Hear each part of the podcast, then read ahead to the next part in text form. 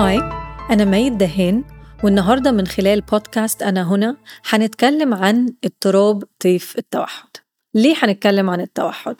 أنا زي زي أي أم آه، كنت بحاول أبني أسرة ولما اتولد ابني الأول والوحيد اكتشفته عمره سنتين وشوية إنه على اضطراب طيف التوحد. الأرقام دي بتزيد. يعني في أمريكا في واحد ما بين كل 36 طفل بيتولدوا السنة دي بيتشخصوا بالتوحد. في الظاهر الأرقام في الوطن العربي يمكن تكون أقل من كده بس ده يمكن يكون راجع لأن الوعي عن اضطراب طيف التوحد ما بين الأهالي لسه مش منتشر كما ينبغي. سن التشخيص في العالم يعني بالتقريب بيكون ما بين 3 لأربع سنوات.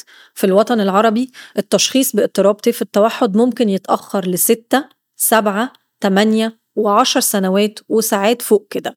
ده لأن الأهالي مش عارفة الأعراض مفيش وعي كافي عن التوحد والتشخيص المبكر هو الطريقة الوحيدة لتعديل السلوك والعلاج الصح للتوحد. كل ما التشخيص اتأخر كل ما كان في صعوبة والعائلة اللي عندها طفل عنده توحد واجهوا تحديات أكبر في إن هم يعيشوا حياة طبيعية وإن طفلهم يكون جزء فعال من المجتمع.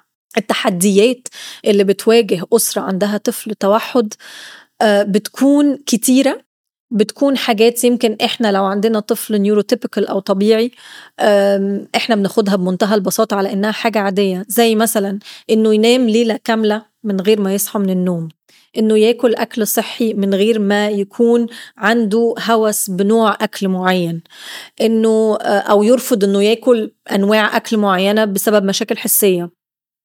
إنه يسافر آه سفرية أو أجازة مع أهله قد إيه ده بيكون تحدي بسبب بسبب مشاكل حسية وحاجات تانية كتير.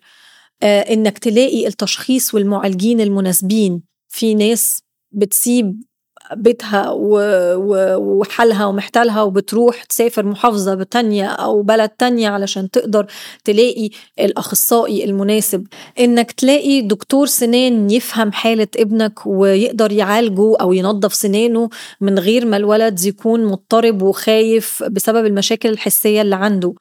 إنك تلاقي مدرسة تقبله وتفهمه. يعني أنا مثلا رحت يمكن انترفيو مع ابني حوالي 13 مدرسة لغاية لما في مدرسة رضيت تقبله. التوحد كمان في غالبية الأحيان ما بيكونش لوحده بتكون بتصاحبه اضطرابات أخرى زي تشتت الانتباه وفرط الحركة. أنا ابني عنده تشتت انتباه وفرط حركة بالإضافة إلى التشخيص بالتوحد.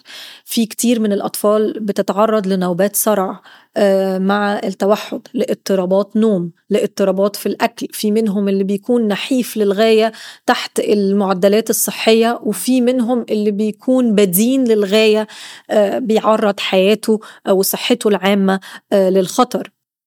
منهم بيصاب بالاكتئاب منهم بيصاب أيضا بالشيزوفرينيا القلق القهري. فالتوحد موجود في حياتنا. التوحد أرقامه بتزيد والأطفال اللي بتتشخص بالتوحد مع مرور الوقت أرقامها بتعلى. وبالتالي إحنا كمجتمع لازم نفهمه لازم نساعد الأشخاص دي ولازم ندمجهم في حياتنا ونساعدهم على قد ما نقدر. من خلال بودكاست أنا هنا هو ده بالظبط اللي إحنا بنحاول نعمله.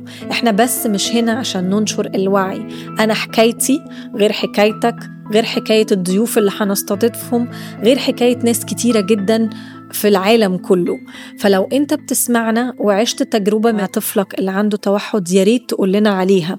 شاركنا من خلال وسائل التواصل الاجتماعي. حكايتك هتكون مختلفة. كل طفل عنده توحد بيكون مختلف عن الطفل التاني. شاركنا إيه هي التحديات دي؟ سواء كانت تحديات مادية مثلا. يعني تكلفة علاج أطفال التوحد ممكن توصل لستين ألف دولار في السنة الواحدة لعائلات التوحد. رقم مهول. أنا نفسي بعاني من الرقم ده.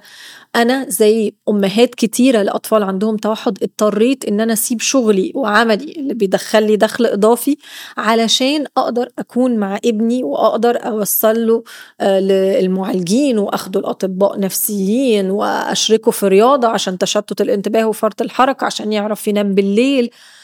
رحلة شاقة جدا. شركات التأمين لغاية دلوقتي مش بتساهم في حل المشكلة دي.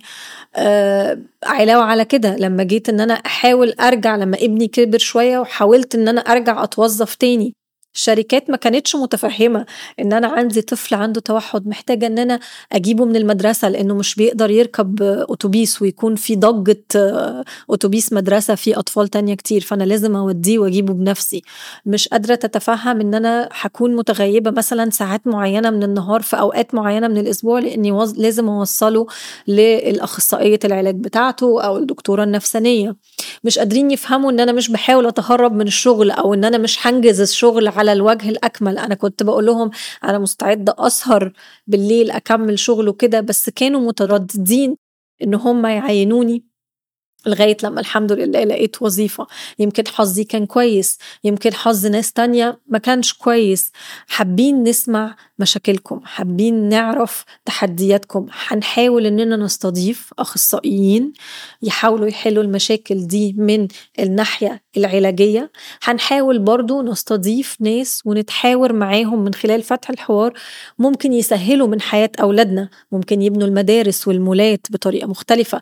ممكن يخصصوا أماكن في المطارات آه إن هي تسهل عملية الانتظار في طوابير طويلة لأطفال التوحد.